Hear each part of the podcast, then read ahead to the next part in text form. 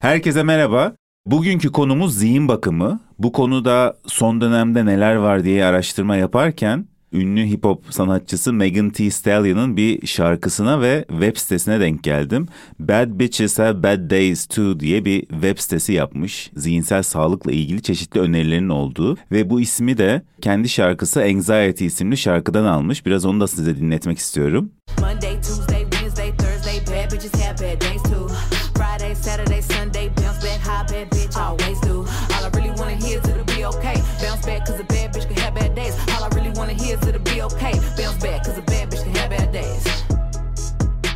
Evet, lanet kadınların da lanet günleri olur gibi çevirebileceğimiz bu şarkının sözünü düşündüğümüz zaman bunca zamandır kadın erkek ilişkileriyle ilgili şarkılar yaptıktan sonra bu kadar popüler kültürün içinde olan bir sanatçı gelip de endişeyle, stresle ve insanların depresyonda olabileceğiyle ilgili bir şarkı yapmış ve bununla da yetinmemiş. Bunun bir blogunu kurmuş. Bu platform içerisinde insanların ulaşabileceği çeşitli terapi yöntemleri var. Arayabilecekleri çeşitli numaralar var ve Amerikan Psikologlar Derneği'nin listesi var. Kendi Amerika'daki zip kodunuzuna göre kendinize uygun bir terapist bulmanız için. Ve içerisinde çeşitli yardımcı olacak önerilerle beraber böyle bir insanlara kötü hissettikleri zaman geriye dönebileceklerini, tekrar iyi olabileceklerini hatırlatan bir web sitesi kurmuş. Buna da Bounce Back Like Other Bitches Do demiş hatta sitede de. Hani böyle biraz diğer yosmalar gibi siz de sekin gelin diye çevirdim ben bunu. Bu da sadece bir örneği. Popüler kültürde başka örnekler de karşıma çıktı. O yüzden de ilk bunlarla başlamak istedim. Bu kadar yaygınlaşınca bir konu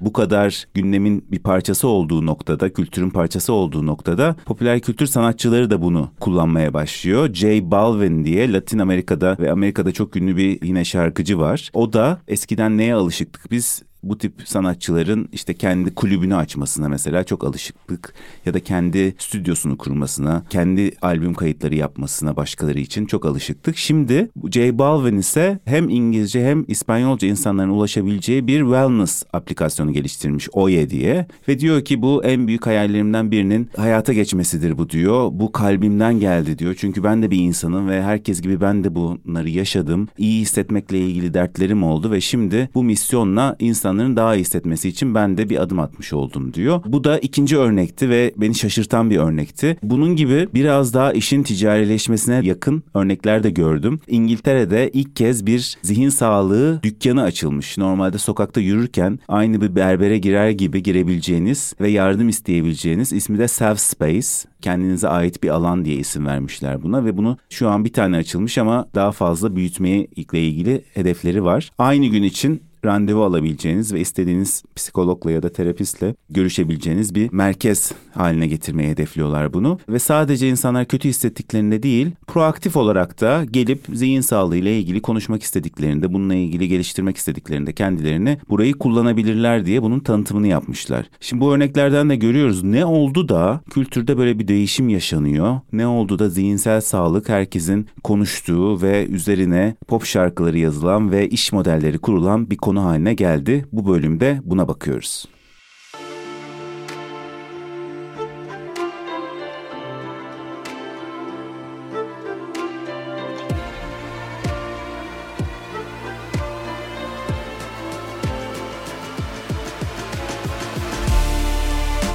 Geleceği merak edenler, trendleri, yenilikleri takip edenler, kültürdeki değişimi anlamak isteyenler, Geleceği Görenler podcast serisine hoş geldiniz. Şimdi uzun yıllar fiziksel sağlıktan bahsetmiştik ve hala da konuşmaya devam ediyoruz. Bir türlü de bitmeyen bir konu.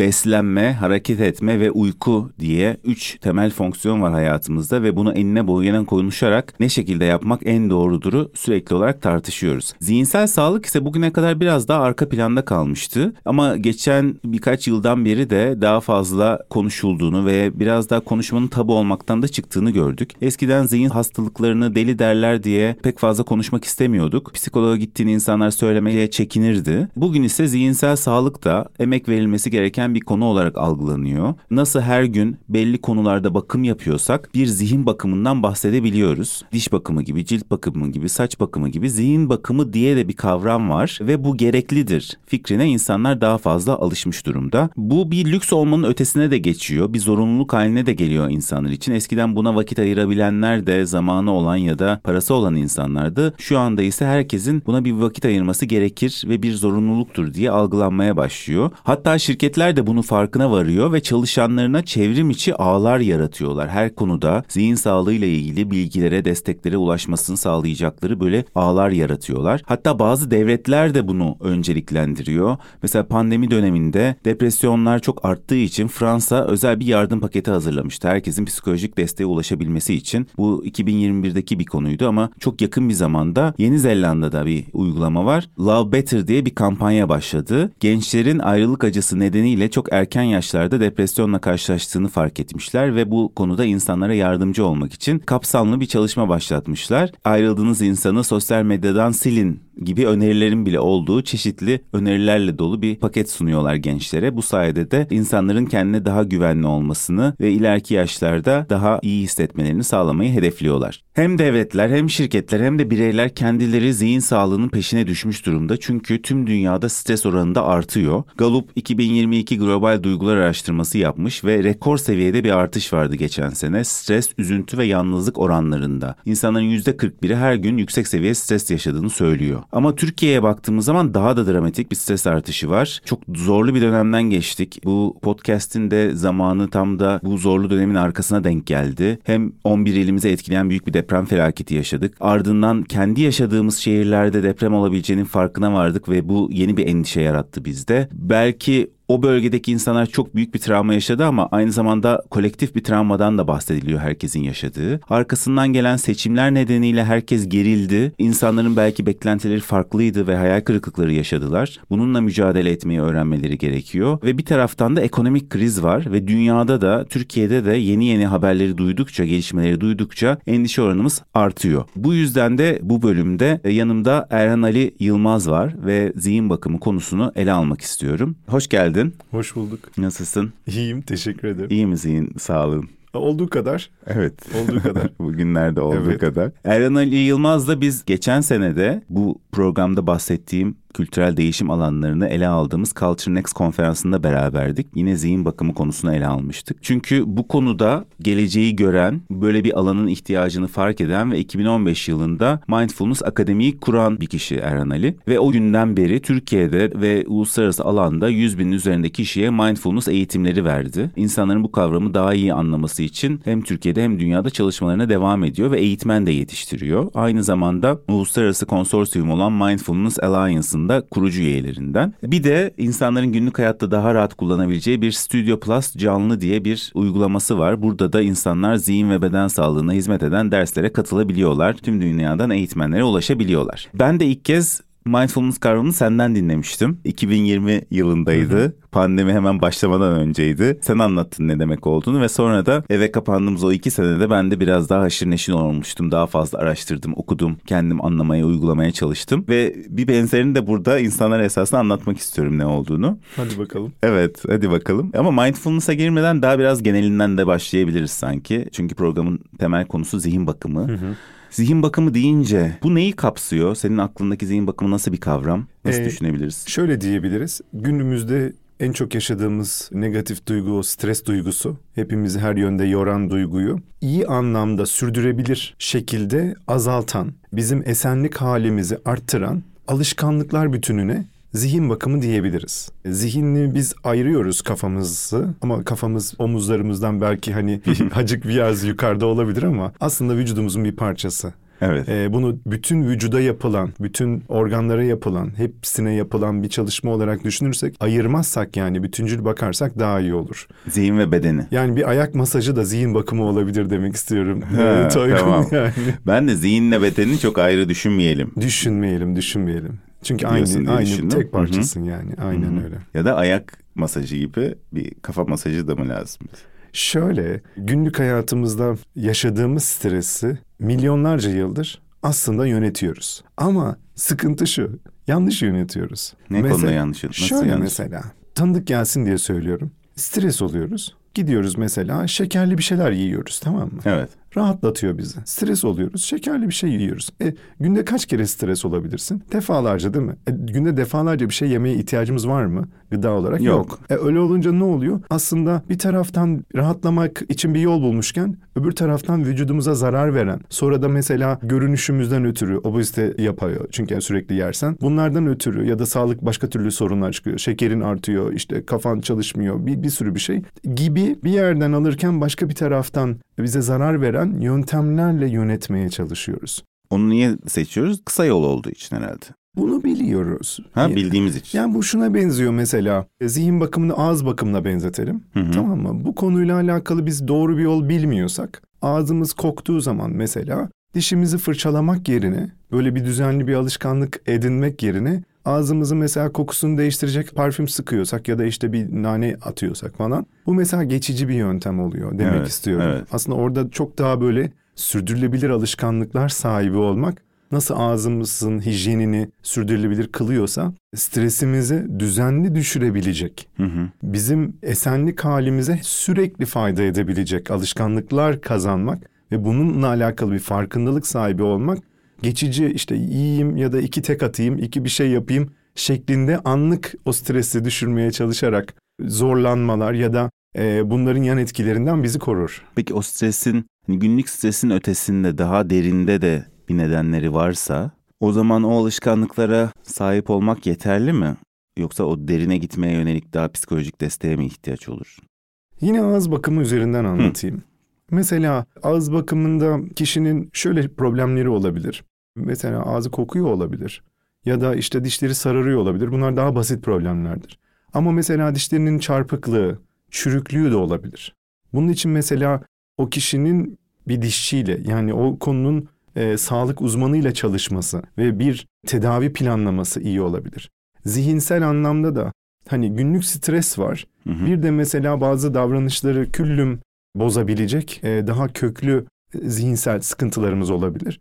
Bu konularda bir psikologla, bir psikiyatristle, uzmanlaşmış bir sağlık profesyoneliyle çalışmak tabii ki hani böyle bir tedavi planlamak olabilir. Ama burada e, şunun altını çizmek istiyorum. Zihnimizin bakımını bizim sağlık profesyoneli yapmayacak. Yine kendimiz Yine yapacağız. kendimiz yapacağız. Hı hı. O günlük işimiz. Evet. Ha daha ciddi bir şeye sıkıntı yaşıyorsak o zaman bir profesyonelle bir tedavi planlayacağız ve tedavi bittiğinde konu geçmiş olacak. Yani ben her dişim sarardığında beni dişçi dişim fırçalasın diye bir fikir e, sürdürülebilir bir fikir değil. Olmaz öyle şey Evet. yani. O zaman şunun ayrımını yapabiliriz. Zihin hastalıkları için daha e, derin kök konular için belki bir psikologla, psikiyatristle çalışmak anlamlı olur ama Hı hı. her gün yaşadığımız stresle baş edebilmek için Evet. zihin bakımı esasında burada devreye giriyor. Evet. Ve bunu nasıl her gün yaşadığımız herhangi bir konuyla baş etmemiz gerekiyorsa bununla da baş etmeliyiz ve bunu Aynen. kendimiz yapabiliriz diyoruz. Evet ve doğru baş etme yöntemleri aslında zihin bakımı ailesi olarak konuşabiliriz. Evet. Sağlıklı baş etme yöntemleri. Evet. Şimdi o zaman onlara geçelim. Nasıl baş Geçelim. edeceğiz? Nasıl baş edeceğiz? Evet. Çünkü işle ilgili herhangi bir stres çok önemli bir sunumum var ve endişe duyuyorum. Demin söylediğin gibi bunu bu endişeyi tatlı yiyerek, sigara içerek, Erteleyerek, erteleyerek, alkol çeşit- kullanarak. evet çeşitli yöntemlerle bununla kısa yollar bulabiliyor insanlar. Rahatlatmaya çalışıyorum kendimi. Rahatlatmaya çalışıyor. Bu Aynen. endişeyi biraz daha sakinleştirmeye çalışıyor insanlar. Bunun yerine bu kadar günlük bir stresle ilgili ne yapabiliriz? Toygun orada hani dinleyiciler beni doğru anlasın diye şey yapıyorum. Oradaki mesaj şu değil. Tatlı yemeyelim, sigara içmeyelim, Evet. alkol kullanmayalım ya da bunlar değil aslında. Yok bu strese de bağlı olarak, stresin çözümü olarak onları düşünmek. Benim burada söylemek istediğim bunları baş etme yöntemi olarak aldığımız zaman Hı hı. stresle bunlar yavaş yavaş alışkanlığa dönüyor. Evet. Alışkanlığa dönüştüğü zaman sıkıntı var. Yani biz arada sırada bir kokteyl içmişiz, iki güneş batarken bulaş içmişiz. Bir sıkıntı yok orada. Evet. Ama biz bunu her akşam yapıyorsak, ne zaman canımız sıkılsa sürekli bir şeyler yiyorsak, e, sürekli sigara içiyorsak, sürekli mesela birilerine çemkiriyorsak, bu da bir baş etme yöntemi. Yani yansıtma anlamında. Yansıtma. Ya da biz sürekli erteliyorsak, adım atmak istediğimiz pek çok konuyu erteleyerek stresine baş ediyorsak, mesela bunlar bizim hayat kalitemizi çok düşürüyor ve bunlar yavaş yavaş bizde olayın kendisi, zihinsel problemlere de yol açıyor. Anksiyeteler, endişeler, kaygılar daha da artıyor. Buradaki önerme zihin bakımı olarak öncelikle bir öz farkındalık ve kendini yanlış baş etme yöntemlerinden hangilerinin kullandığına bir kendi kendine itiraf etmek. Hı hı. Yani ben stresle karşılaştığımda acaba bir negatif baş etme yöntemi, alışkanlığım var mı? Hı hı. Biraz evvel konuştuklarımız gibi özelliklere bakarsa dinleyici arkadaşlarımız e, şey diyebilirler. Aa aslında bak ne zaman gerilsem ben bunu yapıyormuşum ve bu benim alışkanlığıma dönüşmüş. Ha, tamam. Önce bu teşhis. Ondan sonra da bunun yerine neler koyabilirim? Sen farkındalık dedin. Hmm. Bu günlük hayatta çok da kullandığımız bir laf değil ama bu zihin bakımı gibi konularda çok üstünde durulan bir konu. Evet. Biraz ondan bahseder misin? Farkındalık yani insanlar şöyle de düşünüyor. Tabii işte burada oturuyorum farkındayım ne var yani farkındalık diye niye altını çiziyoruz? Neyin farkında olmaktan bahsediyoruz? Şöyle bir şey bahsedebiliriz mesela. Bir tanesi vücuttaki duyguların farkında olmak. Hı. Herhangi bir duygu vücudumuzda yavaş yavaş yükseliyor. Ve bu yükseldiğinde bir noktada bizi mesela yönetmeye başlayabiliyor. Davranışlarımıza yansıyabiliyor, konuşmalarımıza yansıyor. Bir bakmışız bir şey yiyoruz. Bir duygudan ötürü. Duygusal farkındalık bu bir tanesi. İkincisi... Bunun için bir şey soracağım. Söyle. Bunun farkına varmadığın zaman o duygunun içinde yüzüyorsun. O duygu bizi alıyor, sürüklüyor bir yerlere. Peki bir adım geriye mi çekiliyoruz o zaman? Biraz daha kendimize dışarıdan mı bakıyoruz? Farkında olmak o mu demek? Adını koyabilmek demek mesela şu anda sinirliyim. Hı hı. Şu anda mesela korkuyorum. Hı hı. Şu anda mesela bir şeyi kıskanıyorum. Şu anda mesela şöyle ya da böyle hissediyorum gibi onlarca duygu var. Onun önce adını koyabilmek ve bunu kabul etmek. Hı hı. Ondan sonra sonra bu duyguları yönetme ile ilgili yöntemler öğrenmek. Mindfulness hı. ve bunun gibi çalışmalar bu duyguların ya da düşüncelerin tespiti sonra da bunlarla olan ilişkimizi değiştirmek, bunlarla olan ilişkimizi daha barışçıl ve sürdürülebilir yapmak üzerine aslında çalışmalar. Her biriyle ilgili ayrı bir reçete mi var sizde? Reçetelerinizle geldiniz mi? Öfke için, kıskançlık için bunu veriyoruz size. Aslında en temelde kendimizi tanıdıkça Aha. daha rahat arkadaş oluyoruz kendimizle. Hı-hı. Duyguları tanıdıkça duygularla daha rahat kalabiliyoruz. Bunların ne olduğunu anladıkça korkumuz azalıyor. Mesela hiç tanımadığın bir köpek bir dağ başında üstüne doğru gelse bir tırsarsın ya. Evet. Tamam mı? Belki gerilirsin, kaçmak istersin falan. Ama köpeği tanıdık gelirse aa dersin bu bizim köyün kangalı tamam mı? Rahatlarsın gider seversin ya onu. Hani yine aynı boyutta bir köpektir ama tanıdık olmak, onunla tanış olmak arandaki ilişkiyi çok değiştiriyor. Öfkelerini... Heh, mesela ne zaman öfkeleniyorum bununla biraz daha farkında olmam. Evet. Tanışmam. Ve bunun da mesela senin bir duygun olduğu, senin bir parçan olduğu, çocukluktan, oradan buradan bazı durumlardan ötürü seni korumaya çalıştığı, hakkını korumaya çalıştığı için öfkelendiğin, adaletsizliğe karşı öfkelendiğin mesela gibi olduğu zaman bu duyguyla birilerine zarar vermek, birilerini mesela kırmak, dökmek ya da var olan kararlarında büyük değişiklikler yapmak yerine bu duyguyla birazcık kalmak mesela bir yöntem olabilir. Ama aslında bugün konuştuğumuz şeyin çok detayına girdik. Biraz buradan dışarı doğru çıkabiliriz. Tamam. Yani spesifik bir duygu yönetimi değil de önce başımıza ne geliyor bunu anlamak. Bazı duygular bizi savurabiliyor. Okey koyduk. Bu savrulmalardan ötürü bazı davranışlara girebiliyoruz. Bu biraz evvelki bu alışkanlıklarımız, ben negatif alışkanlıklarımız. Diyorum, evet. Aynen. Önce kısa yol gibi geliyor bize sonra alışkanlığa dönüşüyor. Evet, evet, evet. Hı hı. Ve bu alışkanlıklarımız bizi eğer istemediğimiz taraflara götürüyorsa burada bir seçim yapmak. Yani ya kardeşim ben ne zaman öfkelensem yemek yiyorsam istemeden ve ben bu yediğim yemeklerle oluştuğum, dönüştüğüm insan hoşuma gitmiyorsa tamam mı? Bu benim için artık geçerli bir baş etme yöntemi değil. Ben bunu kabul ediyorum. Yeni bir baş etme yöntemi yapacağım. Ne olabilir mesela? Ne zaman bir duygu böyle yoğun bir duygu gelse bir nefes egzersiziyle vücudu bir yiyeceğin rahatlatabileceği kadar rahatlatmak mümkün mesela. Hmm. Örnek. Ama nefes egzersizinin kalorisi yok. Tam tersi kalori harcıyorsun ve pişman olmuyorsun ben bunu neden yedim diye. Evet. Üzülmüyorsun sonra tekrar aynı sarmala girmiyorsun. Hı Ya da mesela ne zaman zor bir gün geçirsen oturup beş tane dizi izlemek de stresini azaltan bir yöntem. Hı hı. Ama bir bakmışsın kendinle alakalı hani istediğin bazı şeyler bununla çelişiyor. E, bunun yerine bir 45 dakika hava almak, yürüyüşe çıkmak da bir baş etme yöntemi. Uzun bir günün yorgunluğunu atmak için. Ama dediğim gibi o yürüyüşün yan etkisi olumlu. Senin esenlik haline iyi gelirken oturup 3 dizi 5 dizi izlemek her akşam senin aslında esenlik halini sürekli aşağı çeken bir şey. Sen hani yöntemlerinden bahsettiğin zaman biraz daha böyle sihirli bir yöntem bekliyor insan. Hani sen bunun çözümü yürüyüş yapmak, nefes almak dediğin zaman ya olur mu canım? Hani çok günlük şeyler bunlar ondan ne olacak gibi de düşünebiliyor insan. Tabii ki. Burada şunu söyleyebilirim. Dişimize bir dakika 60 saniye fırçayla sağ sola şey yapmak ne yapabilir ki? Ne kadar basit bir şey değil mi? Ama mesela oradaki sihir oradaki yapılan şey değil. Hmm. Oradaki sihir onun sürekliliği. Hmm. Sürekli olduğunda iş değişiyor. Bir gün bu çok basit bir şey söyleyebiliriz. Bir gün ne kadar kötü beslenirsen bensen hayatında hiçbir kötülüğü olmaz. Ama bunu her gün yapmaya başladığında o küçük şeyler üst üste eklenerek işleri çok değiştiriyor. Dişlerin ya beyazlıyor ya çürüyor. Ya da hayatında her gün mesela açık havada yürüyüş bir beş dakika, bir beş dakika şükür günlüğü tutarsan. Hı hı. Yani sen hayatında şu an şükrettiğin, memnun olduğun neler var? Bir beş dakika hatırlasak şimdi. Bunu dinleyenler de bir on saniye hatırlasa. Şu an şükrettiğin ne var hayatında? Bunun getirdiği duygu hayatımızda bundan sonraki bir saati çok etkiliyor.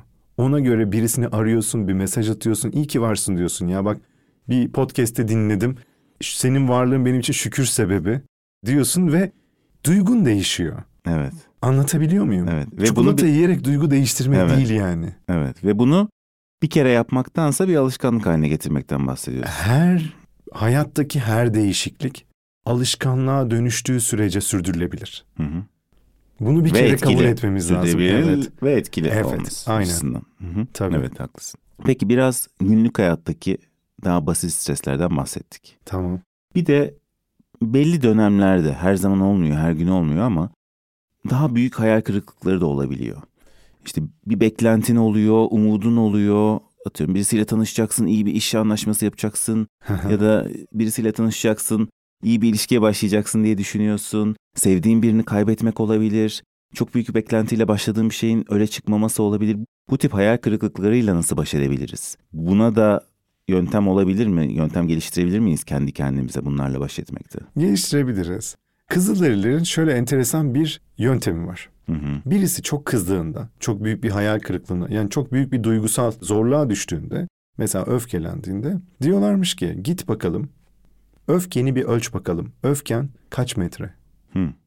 Bitene kadar yürü ve sonra gel.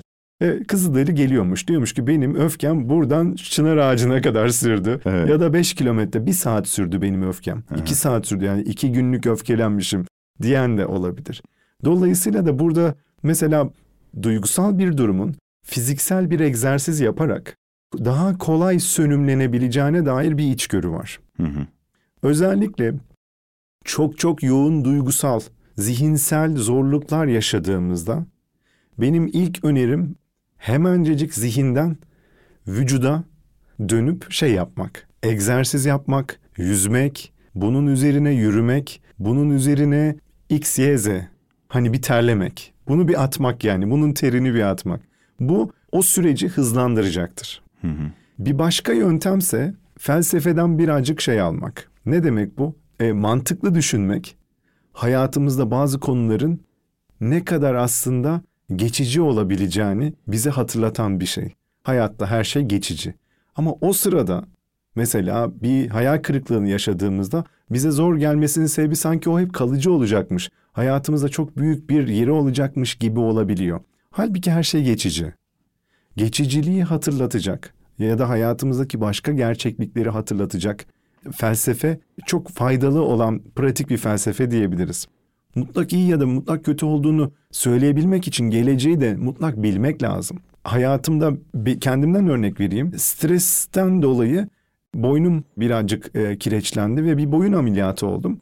İnsanın başına boynunu kesilmesinden daha kötü ne gelebilir? Yani insanı öldürmek için boynunu kesiyorlar yani. Evet. Boynunu kırarlar. Ama mesela mindfulness'la tanışmam, bu konuları hayatıma sokmamın sebebi oldu bu boyun ameliyatı. Dolayısıyla her husumette bir fayda var, her işte bir hayır var. Lafı o kadar bilgece görebildiğimiz sürece her zaman aslında olan olaylar bize bir şey getiriyor. Dolayısıyla da zihin bakımı için birazcık felsefeden de yardım almak, mantıklı ve çıkarımlı düşünmenin desteğini almak benim çok faydalandığım bir şey. Ben şimdi programın başında seni tanıtırken Hmm. bu zihinsel sağlığın önem kazandığını, kazanacağını hı. görmüş önden, öngörmüş ve bu işe başlamış dedim. Ama Evet. bir esasında fiziksel olarak yaşadığım bir şey sonrasında mı başladı? Fiziksel olarak yaşadığım bu sağlık problemi sonrasında bir arayışa girdim. Yani doktor bana dedi ki sen dedi bir stres yaşıyorsun. Bunları, Bunu dedi bir çözmen lazım. Ben de anladım bunu. Bu mesajı aldım ve sadece düşünmedim. Aksiyon aldım ve arayışa girdim. Nasıl çözerim diye. Dünyada araştırırken mindfulness diye bilimsel olarak da kanıtlanmış bir yöntem olduğunu keşfedip bunu kendimde uygulamaya başladım ve yıl o zaman 2011'de. 3-4 yıl boyunca bana çok iyi gelince 2015 yılında bunu halkımıza da hani anlatabilmek, uygulanabilir, anlaşılabilir, ulaşılabilir bir hale getirmek için akademiyi kurdum. Hı Aynen. Anladım. Harika. Bir iş fırsatı görmenin ötesinde esasında sana iyi gelen şeyi daha çok insana anlatabileceğini fark etmişsin. Oradaki benim şeyim neydi biliyor musun? Bir gün konferansta yıl 2008-2009 konuşmacılar geldi. Ben de daha çömez bir reklamcıyım. Geldiler anlattılar konuşmacılar konularını. Çırağan'daydı marka konferansı. Çok hoşuma gitti dedim ne kadar güzel bir iş. Ondan sonra reklam işine devam ettim. Çünkü öyle olur ya hani bir, şey görürsün kalbini bir şey pıt pıt attırır ama sonra geri işlerine geri dönersin. Ondan sonra yıllar içinde reklamcılık yaparken beni birileri konuşmacı olarak reklamla ilgili çağırmaya başladı. Sonra ben konuşmacılığı sevsem de reklamla ilgili anlatmayı o kadar çok da sevmiyordum, sıkıcı buluyordum. Bir gün Mindfulness'la tanıştıktan sonra Ukrayna'da bir konferansta yine beni reklamla ilgili çağırdılar ve ben şöyle bir sunum yaptım. Sosyal medyanın Zen Budistlerinden öğrenebileceği 7 şey diye bir sunum yaptım ve çok beğenildi. Evet. Ve orada bende klik etti. Ya dedim demek ki benim hayatımda ya e, benim beni çağıran my calling diyebileceğimiz hayat amacım aslında konuşmacılık yapmakmış ama konu reklam değilmiş. Konu bu psikoloji, mindfulness bu konularmış. Bende çok bir şey karşılık buldu. 2015'te o yüzden karar verip hani her şeyi bırakıp akademiye başladım. Çok güzel.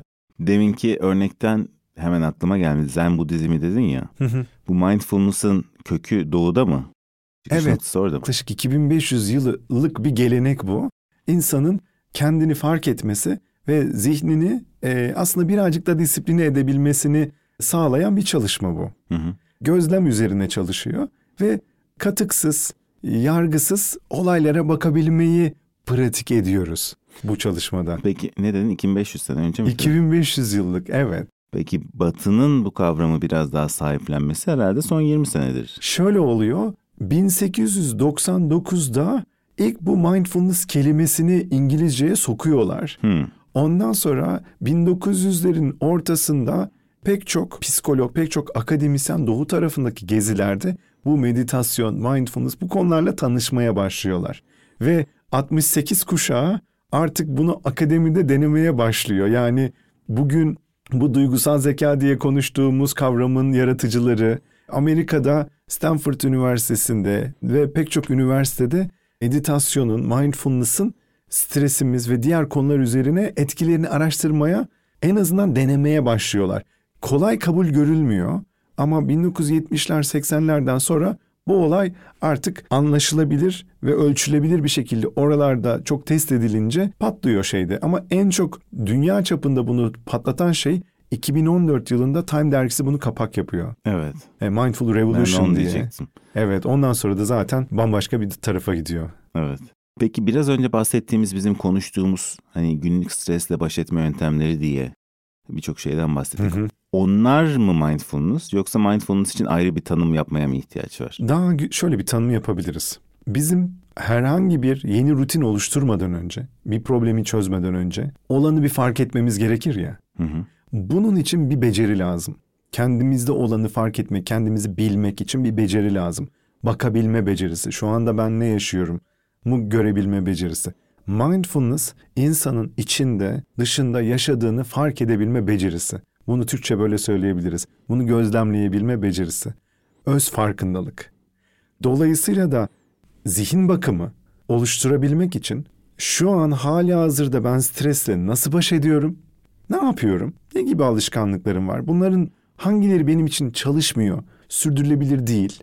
Bunları fark etmek için o öz farkındalığı geliştirmek, mindfulness çalışmasını geliştirmek, o kası geliştirmek çok işe yarıyor. Bunu bir kere yaptıktan sonra aa diyorsun ki ben bunu yemekten çıkarıyormuşum, şuradan çıkarıyormuşum, böyle yapıyormuşum ya da bu düşünceler beni çok yoruyormuş. Bunu fark ediyorsun. Ondan sonra da onları yenileriyle senin için daha hem iyi hissettiren hem de sürdürebileceğinlerle şey yapmak bir zihin bakımı overall bir esenlik hali getirmek için iyi oluyor. Böyle hmm. bir şey.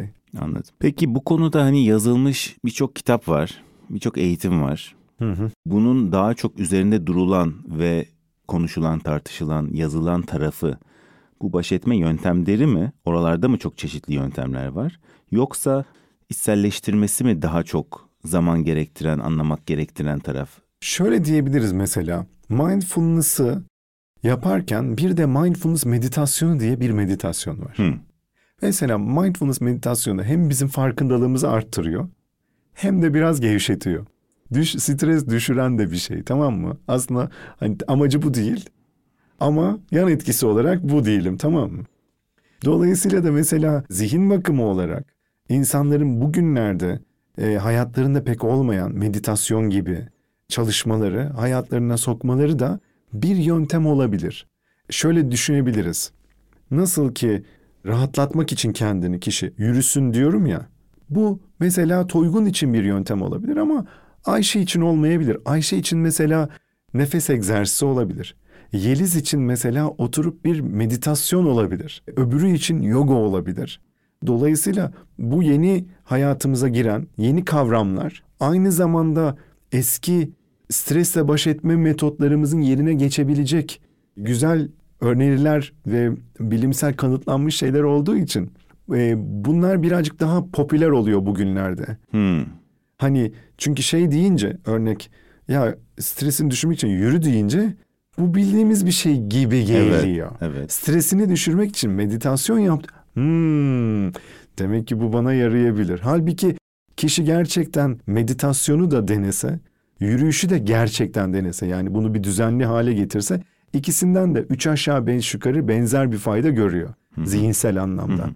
Ama biz belki yeni bir şey olduğu ha, için insanlar da yeni yöntemler istiyor. Evet, hevesleniyoruz. Ha, anladım. Evet. Yeni yöntemler kendi keşfetmek kendi istiyor belki. keşfetmek istiyor. Okuyup görmek istiyor, evet. denemek istiyor falan. Ayrışmak istiyor bu konu. Yani herkes şimdi yürüyorum deyince sıkıcı. E ben yoga yapıyorum değil daha havalı olabilir onun için. Hani o kimlik olarak da onun hoşuna gidebilir.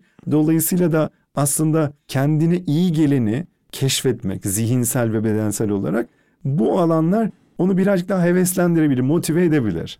Ben müzik dinliyorum yöntemini de kullanabilirim. Kullanabilir ve Ama... bunu bilinçli yaptığın sürece ya bak ben gerildikçe bu konuları kullanıyorum ve bu bana iyi geliyor. Sen keşfettiysen hayatında da buna bir yer ayırıyorsan mükemmel işte. Hı hı. Evet. Ama hmm. bunu pek anlatamayacağım. Yeni bir yöntem keşfettim. Artık müzik dinliyorum. Evet. Satamayacağım bunu. Satamayacağım. Satamayacaksın Olsun. yani. Evet. Tamam peki. Zaten Toygun bak çok güzel bir yere geldik birilerine satmak bizim anksiyetelerimizden en önemlisini yaratıyor bazen. Özellikle bugün de. Yani mesela Galata'dayız ya şu an. Evet. Galata'da olduğumuzu fotoğrafla ispatlamaya çalışmakla Galata'nın kulesine bakıp keyfini almak bambaşka şeyler. İyi fotoğraf çekip çekemedi anksiyetesine girerken öbürü ise bir kahve alıp kuleye bakıp keyif alabiliyor. Başkalarını etkilemeye çalışmak, herhangi bir şeyle, yoga ile, meditasyonla anksiyetenin bazen kendisi oluyor. Amuda herkes kalktı yogada bir ben kalkamadım. Yoga taytım herkesinki kadar şık gözükmüyor. Anksiyete sebebi yapmak, cimde yeteri kadar güzel miyim, adeleli miyim şeklinde bu da bizim için bir stres sebebi olabiliyor. Yeterince meditasyonda dik durabiliyor muyum gibi gibi gibi. O yüzden de aslında zihin bakımı için yapabileceğimiz Güzel şeylerden bir tanesi de Kendimize şöyle bir söz vermek. Ben mümkün olduğunca başkalarını etkilemeyi artık bırakacağım. Bununla uğraşmayacağım. Kendi iyiliğim, sağlığım için dikkatimi vereceğim. Kendi keyfim için vereceğim. Başkaları için yaşamaya devam ettiğimiz sürece zaten mümkün değil. Meditasyonu da o zaman yogayı da başkaları için yapmaya başlıyoruz. Evet evet haklısın. Like için yapıyoruz yani. Evet senin bahsettiklerin biraz daha kendi kendimize yarattığımız endişeler. Dışarıya nasıl görünürüm kaygısının tüm hareketlerimizi etkilemesi. Bir Hı hı. de gerçekten dışarıdan gelen hayatın gerçekleri var ve bununla ilgili duyduğumuz endişeler var. Bir örnek verirsem daha iyi olur. Mesela Türkiye'deki gençler şu anda beklentileri ve yönelimleriyle ilgili UTOL bir araştırma yapmış. Daha çok yeni olduğu için bahsetmek istedim. Türkiye'de 170'in üzerinde üniversitede okuyan ya da me- yeni mezun insanlarla konuşmuşlar ve gençlerin beşte biri mutsuzmuş, dörtte biri geleceği olumsuz algılıyormuş ve dörtte üçü de stresliymiş. Şimdi bu kendi bu şekilde düşündüğü için, hayata bu şekilde baktığı için de diyebiliriz ya da tüm etkenler çevrede ona bu şekilde hissettiriyor da diyebiliriz. Bununla sen bir şekilde baş etmelisin de diyebiliriz ya da dışarıdaki bu etkenleri bir şekilde değiştirmeye çalışmalısın aktif bir şekilde de diyebiliriz. Ben mindfulness'la ilgili biraz araştırırken şuna da bir eleştiri olarak şununla da karşılaşmıştım. Hayattaki problemlerle ilgili her şeyi böyle içselleştirip biraz daha benim bakışımla ilgilidir dediğimiz zaman acaba bizi pasifize mi ediyor mindfulness diye bir Hı hı. temel bir eleştiri vardı. Hı hı. Ee, ilk duyduğum zaman hani garip geldi. Yo esasında birisi hani içsel bir durum, diğeri dışsal bir durum. İkisi birbirinden farklı ve bu bununla baş etmedir diyorum. Ama bir taraftan da daha hani o eleştiriyi daha da sertleştirerek işte kapitalist sistemin yeni bir oyunudur mindfulness falan gibi eleştiriler de var. Hani bizi pasifize ediyor Hı. ve tüm yükü e, insana ve onun bakışına e, koyuyor diye. Evet. Sen bu konuda ne düşünüyorsun? Şöyle, e, dün bir üniversitede söyleşilere katıldım ve öğrencilerle sohbet etme, soru karşılıklı konuşma fırsatım oldu. Benzer dertleri oradaki kardeşlerimizin de vardı. Evet. Yalnız şöyle de bir şey var en temelde. İçinde bulunan ortam ne olursa olsun bunun üzerinde pek bir kontrolümüz yok. Evet. Hava durumu üzerinde bir kontrolümüz yok. Ekonomi üzerinde bir kontrolümüz yok. Dünyada olup bitenler üzerinde bir kontrolümüz yok. Yok bunların üzerine. Hatta bırak hava durumunu, mama durumunu. Kendi iç dünyamız üzerinde hangi duygu gelecek, hangi duygu gidecek bunlar üzerinde de bir kontrolümüz yok.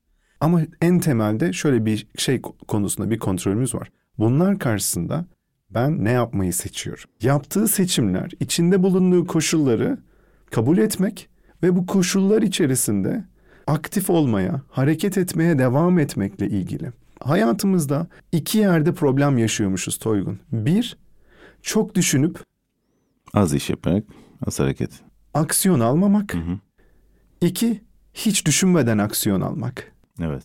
Dolayısıyla da içinde bulunan koşullarda bu anlattığım kız öğrenci önce başvurduğu yerlerden bir tanesi ona üniversite sonrası şey teklifinde bulunmuş. İstediği e, ülkede yüksek lisansına burs verme teklifinde bulunmuş. Bunlarla uğraşırken orası bunu kabul edince bir tane girişim de çalışmaya başlamış. O girişimin içine uluslararası bir şey gelmiş, bir e, bir marka gelmiş ve bunu bayağı ülke ülke gezdirmeye ve bir community manager yapmaya gelmiş. 25 yaşında. Herhangi bir parayla değil aslında bunun yolculuğu. Kendimden de biliyorum, senden de biliyorum. Yani para gücüyle insanın hareket ettiği değil, seçimlerinin gücüyle hareket ettiği bir dünyadayız. Ve o kadar aslında şey yapabilecek fırsat var ki ülkede de şeyde de hani dünyada da bir şeyleri değiştirebilecek, hareket edebilecek o kadar çok fırsat var ki. Yeter ki kişi desin ki ben nereye gitmek istiyorum? Hı hı. Ve bu konuyla alakalı ben ne yapabilirim, kimden yardım edebilirim, kime sorabilirim, kime danışabilirim? Sorgulamaya başladığı an hareket başlıyor ve hareket etmeye devam ettiği sürece de insan gidiyor. Eğer sadece bu koltukta oturursam, istediğim kadar beyin gücü kullanayım, şu su bana bir santim yaklaşmaz. Ama ben elimi atıp suya uzanırsam su içebiliyorum böyle bir şey. Yani ben orada kurban psikolojisine inanmıyorum. Ama bizim ülkede maalesef kurban psikolojisiyle de çok karşılaşıyorum. Koşullar böyle e, çok zor durumdayız. Tamam anlıyorum öyle ama bu bizim ne yaptığımızla ilgili değil. Bizim karşımızdaki durumla ilgili. Yani hava durumuyla ilgili. Evet hava durumu kötü olabilir. Buna çok katılıyorum. Keşke daha güneşli bir havada yaşasak ülkece. Ama hava durumu kötü diye tişörtle çıkmanın anlamı yok. Hı hı. Üstümüze bir şey alabiliriz. Yani biz buna verdiğimiz tepki aslında bizim sorumluluğumuzda. O zaman sen benim sorduğum soruya da şöyle cevap vermiş olun. Hani acaba mindfulness gibi öğretiler insanı pasifize mi ediyor? Ra? Hayır demiş oluyorsun. Çünkü evet, kesinlikle. bu farkındalık sadece farkındalıkla kalmıyor sonra aksiyonla devamı geliyor. Tabii. Ee, belki dışarıdan bakanlar, konuyu tam anlamayanlar bunu sadece bir farkındalık aşamasında Oturup görüyorlar. Oturup gözünü kapatıp ha. nefes almak falan evet, zannediyorlar. Evet. evet. O yüzden de çok yani o görüntü de insanlara çok pasif geldiği için, içinde aksiyon içermediği için onu o şekilde yorumluyorlar. Birazcık eğilim de olabilir. Yani şöyle herhangi bir konuyu çok okuyup anlamadan, çok deneyimlemeden atıp tutmak dışarıdan. Tabii. Mindfulness'ı da aslında kapsıyor. Yani dışarıdan bu konuyu çok deneyimlemeden ya işte ne yapıyorlar? Oturup gözlerini kapayıp iki nefes alıp veriyorlar. Dünyadan izole olup Dolayısıyla da hani pasifize oluyorlar gibi bir yorum ancak bunu deneyimlemeden ve felsefesini çok anlamadan yapılabilecek bir yorum. Her şey için böyle. Bence zihin bakımı dediğimizde de ilk akla gelen görüntü günlük koşuşturma içerisinde bir bir yere oturmak, sakinleşmek, hı hı. dediğin gibi gözünü kapamak, olan biteni gözden geçirmek, duyguların, düşüncelerini farkına varmak daha çok aklıma geliyor zaten zihin bakımında. Ama hı hı. şimdi biz tüm konuşmada zihin bakımı aynı zamanda o analizden sonra da bir aksiyona karar vermek ve evet. o ayağa kalkarken de o hevesle kalkmak o hevesle. şeklinde e, için... yorumlarsak zihin bakımına içinde hem farkındalık hem de aksiyon kararı olan e, bir noktaya gelir. Daha Bunun da için bir yer olur. ayırmak bir de. Hı-hı. Bir yer ve zaman ayırmak. Mesela biliyorum ki sen çok çalışıyorsun ve çok çalışan pek çok arkadaşım var bu kişinin kendini Formula 1 arabasına benzetip ya ben çok hızlı bir yolculuk yapıyorum her gün ama Formula 1 arabasının o hızı koruyabilmesi için arada molalar veriyor ya pit stoplar yapıyor. Bu bunun hızını düşüren bir şey olarak görmek yerine tam tersi o performansı sağlayacak asıl temel şeyin arada molalar vermek olduğunu aklımıza koyabilirsek buna böyle çerçevelersek o zaman arada durup nefes almak, arada bir yürüyüş yapmak, arada bir meditasyon yapmak. Bunun için hani böyle şeyler yapmanın bizim sağlığımıza ve performansımıza da faydalı olabileceğini söyleyebilirim. Çünkü bu konuda e, Toygun en çok bana gelen şey benim vaktim yok. Evet. Fikri oluyor. Mesela sen vakti ayırman Formüle gerekiyor. Formüle 1 arabasının da durmaya vakti yok gibi düşünebilir aynı kişi. Hı hı. Ama durmazsa virajı 220 ile alamıyor. Lastiği çünkü eridiği için 180 ile dönebiliyor. Evet. O yüzden de günlük hayat içerisinde buna vakit ayırmak da sonrasında daha güçlü, daha evet. enerjik olmanın bir formülü. Aynen öyle. O yüzden de e, zihin bakımına hani diş bakımına benzetmek günlük olduğu için ve bir her gün evet. devam eden bir alışkanlık olduğu için iyi bir benzetme olmuştu. Ben biraz da geleceğiyle ilgili konuşmak istiyorum. Şimdi bu kavramlar yavaş yavaş daha çok konuşuluyor dedik. Daha yaygın farkına varıyoruz herhalde aradan geçen işte yaklaşık 10 yıl içerisinde de sen de daha çok insanın ilgilendiğini de görmüşsündür. E, daha da belki talep ediliyor senin konuşmalarını dinlemek, bu konuda öğrenmek istiyor herkes. Bundan sonra e, bu çeşitli alt konulara mı ayrılır? Daha fazla insan mı? Daha günlük hayatın bir parçası haline mi gelir sence? Ya da karşı çeşitli hareketler mi olur? Nasıl yorumluyorsun? Bundan sonra nereye gidiyor? Şöyle bir hayalim var. Çocukların mindfulness abisi olmak istiyorum e, Barış Manço vardır ya hani bir 7'den 77'ye çocuklara oyun oynatıyordu. Onun gibi köy köy gözüp gezip e, çocuklara bu konularla tanıştırıp e, böyle bir büyük çapta böyle bir mindfulness seferberliği yapmak istiyorum. Böyle bir gönlümden geçen bir şey var. Ben kendime not etmiştim soruları hazırlarken ben buna nasıl cevap veririm diye. Benim de notumda çocuklar vardı.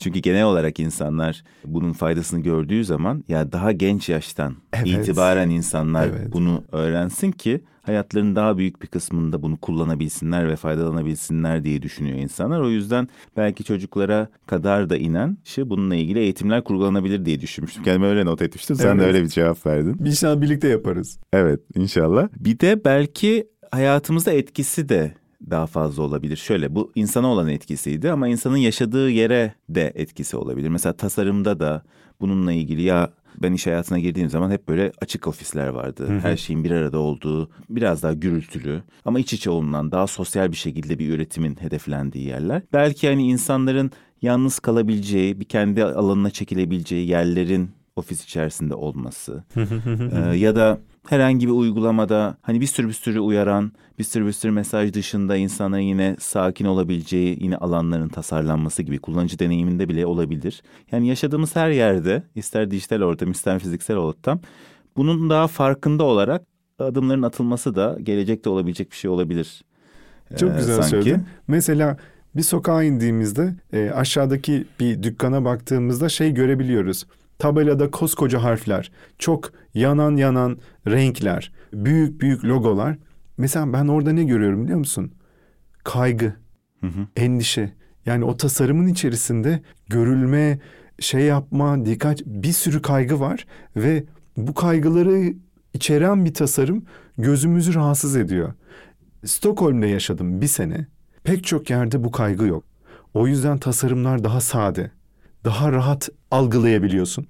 Algılaman kolay, gözü yormuyor. Belki Bak, de o yüzden daha çekici bile daha olabilir. Çeki, aynen öyle. Zaten mesela iki çeşit insan düşün. Bir tanesi sürekli gergin, sürekli kaygılı. Öbürü daha rahat, öbürü daha böyle hani sakin. Sakin olanla iletişim kurmak daha kolay.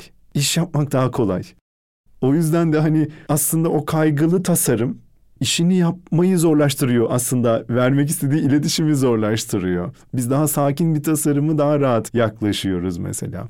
O yüzden de bir çocuğun e, küçük yaşta bununla tanışıp artık hangi işi yapacaksa, mühendislik yapacaksa daha az kaygılı bir mühendislik tasarımı.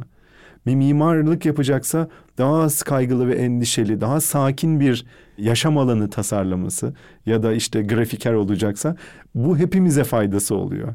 Evet. Peki şimdi şunu da bir soracağım sana. Günlük hayatta kullanabileceğimiz, bu programda da yapabileceğimiz herhangi bir egzersiz var mı? Şimdi beraber yapsak. Ben de bu hafta biraz çok işim vardı, endişeliyim. İş, normal günlük işler dışında da yapacaklarımın listesi çoktu. Belki bana da iyi gelebilir diye düşünüyorum şimdi bir sakinlemek. Hemen yapalım. Hemen yapalım. Hemen yapalım. Yani şöyle diyelim arkadaşlar araba kullanıyorsanız bunu araba kullanırken yapmayın.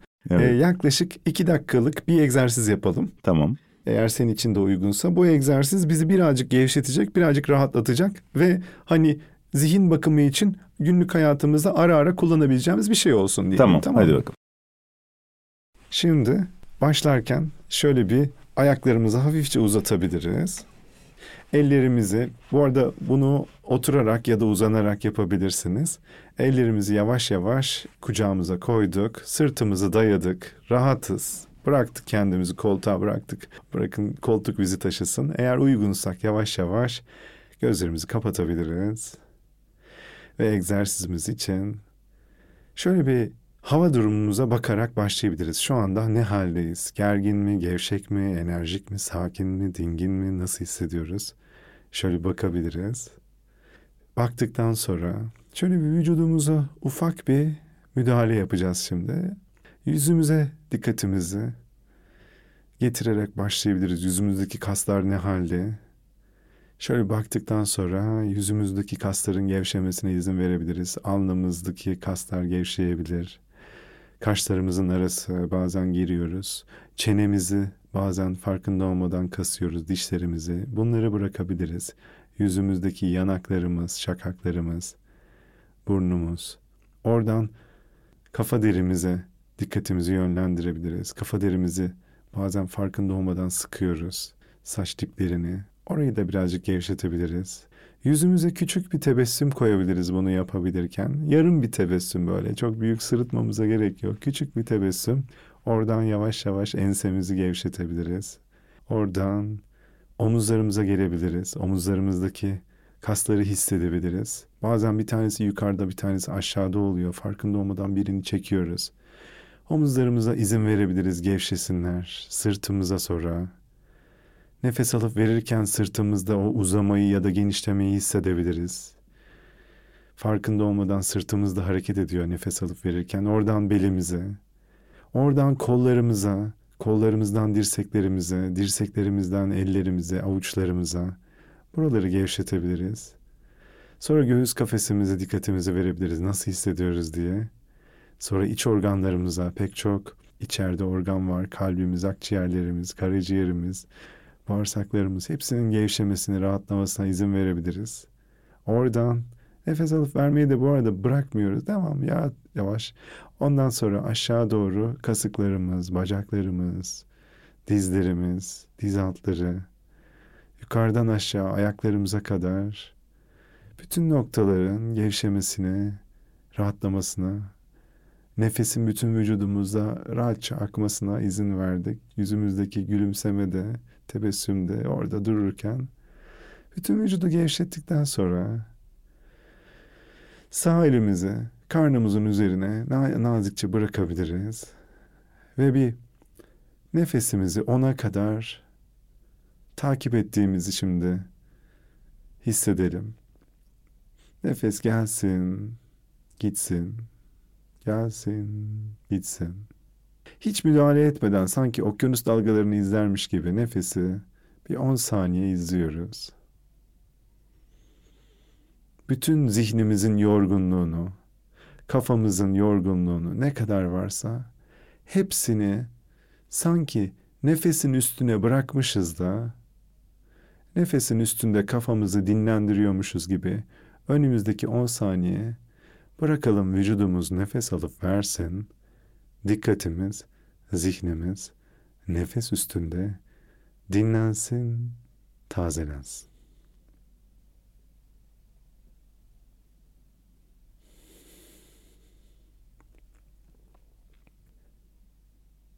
Şimdi yavaş yavaş buradan çıkacağız. Egzersizi yavaş yavaş kapatacağız. Ben beşten geriye doğru sayacağım. Bire geldiğimde elimi şıklatacağım. Ve elimi şıklattığımda tam olarak uyanmış, hafifçe gevşemiş, enerji dolmuş, hafif de pozitif anlamda birazcık da gülümseyen bir şekilde uyanacağız hiçbir yan etkisi olmadan. Hazırsak yavaş yavaş sayıyorum. Beş, dört, üç, iki, bir ve uyanabiliriz şimdi. Bu egzersizle e, ve bunun gibi egzersizlerle zihin bakımımıza küçük molalar verebiliriz. Umarım hoşuna gitmiştir. Bunu ne zaman kullanabiliriz? E, şey gibi düşünebiliriz e, gün içerisinde telefona baktığımızın onda biri kadar. Her boş zamanda telefona bakıyoruz. Her boş zamanda arada on seferden bir tanesinde de bir oturup nefesimizle birazcık vücudumuzu tarayarak, gevşeterek geçirirsek bu son derece büyük etki yaratabilir. Ama sabahleyin güne böyle başlarsak günün devamında da aslında birazcık farkındalık devam ediyor. Diş fırçaladıktan sonra Peki esasında öncesi. hani çok farklı bir şey de yapmadık. Böyle tek tek tüm vücudumuzu farkına vardık, rahatlattık. Evet. evet. Ee, mucizevi bir şey olmadı bu. Ama sürekli olursa mı etkisi var? Ee, şöyle bir sigara seni kanser yapmaz. Ama hani her gün iki paket içersen yapar ya. Onun gibi bir şey. Hani bir tanesi çok büyük bir dramatik değişiklik yapmıyor. Günün içerisinde aklına geldikçe bunu yaptıkça üç defa, iki defa, bir defa bir bakmışsın aslında o omzunun gerginliği, çeneni sıkma, alnını zorlama falan bunları fark eder olmuş kişi. Benim konuştuğum pek çok insan. Ha bu egzersiz yapmadığım zamanlarda da vücudumun verdiği tepkileri daha çok farkına varacağım. Evet. Hmm. Ve e, hani bazı şeyler kronikleşiyor e, Toygun. Mesela bir arkadaşım var sürekli omzunu sıkıyor. Bu egzersizi ne zaman yapsak aa diyor ben omzumu sıkıyormuşum rahatlattım çok iyi oldu diyor. Ya da kimisi dişini sıkıyor. Evet. Yani belki beş kişiden bir kişi Türkiye'de dişini sıkıyor. Hani şöyle bir taradığında aa diyor bak yine sıkmışım. Çenesini rahatlattığında yüz ifadesi değişiyor, ses tonu değişiyor, konuşması değişiyor gibi gibi gibi. E, dolayısıyla da hani günlük hayata da hemencecik yansıyor. Evet. Esasında o fiziksel kasılmayı değiştirdiğimiz zaman e, bizim o zihinsel kasılmamız da değişiyor. Evet. Değil mi? Ona etkisi oluyor. Evet. E, ve bu egzersize küçük bir şey de ekledim. Küçük bir tebessüm ekledim. Gün içerisinde birbirimizden çok etkileniyoruz. Ve düşünsene karşındaki insanlar hafifçe tebessüm ettiğinde sen de ediyorsun. Sen edersen onlar da ediyor. Herkes suratsız olursa evet. zor oluyor. Zihin çok yıpranıyor. O yüzden bu küçük şeyler aslında o kadar küçük değil. Evet, evet. O zaman belki ilk kez yapanlara küçük bir şey gibi gelebilir ama bunu hayatımıza entegre edersek faydalarını göreceğiz diyoruz. Hmm. Peki çok teşekkürler hem Ben teşekkür ederim. zihin bakımı ile ilgili bu yaptığımız sohbet için hem de sonunda bize bir egzersizde gösterdiğin için.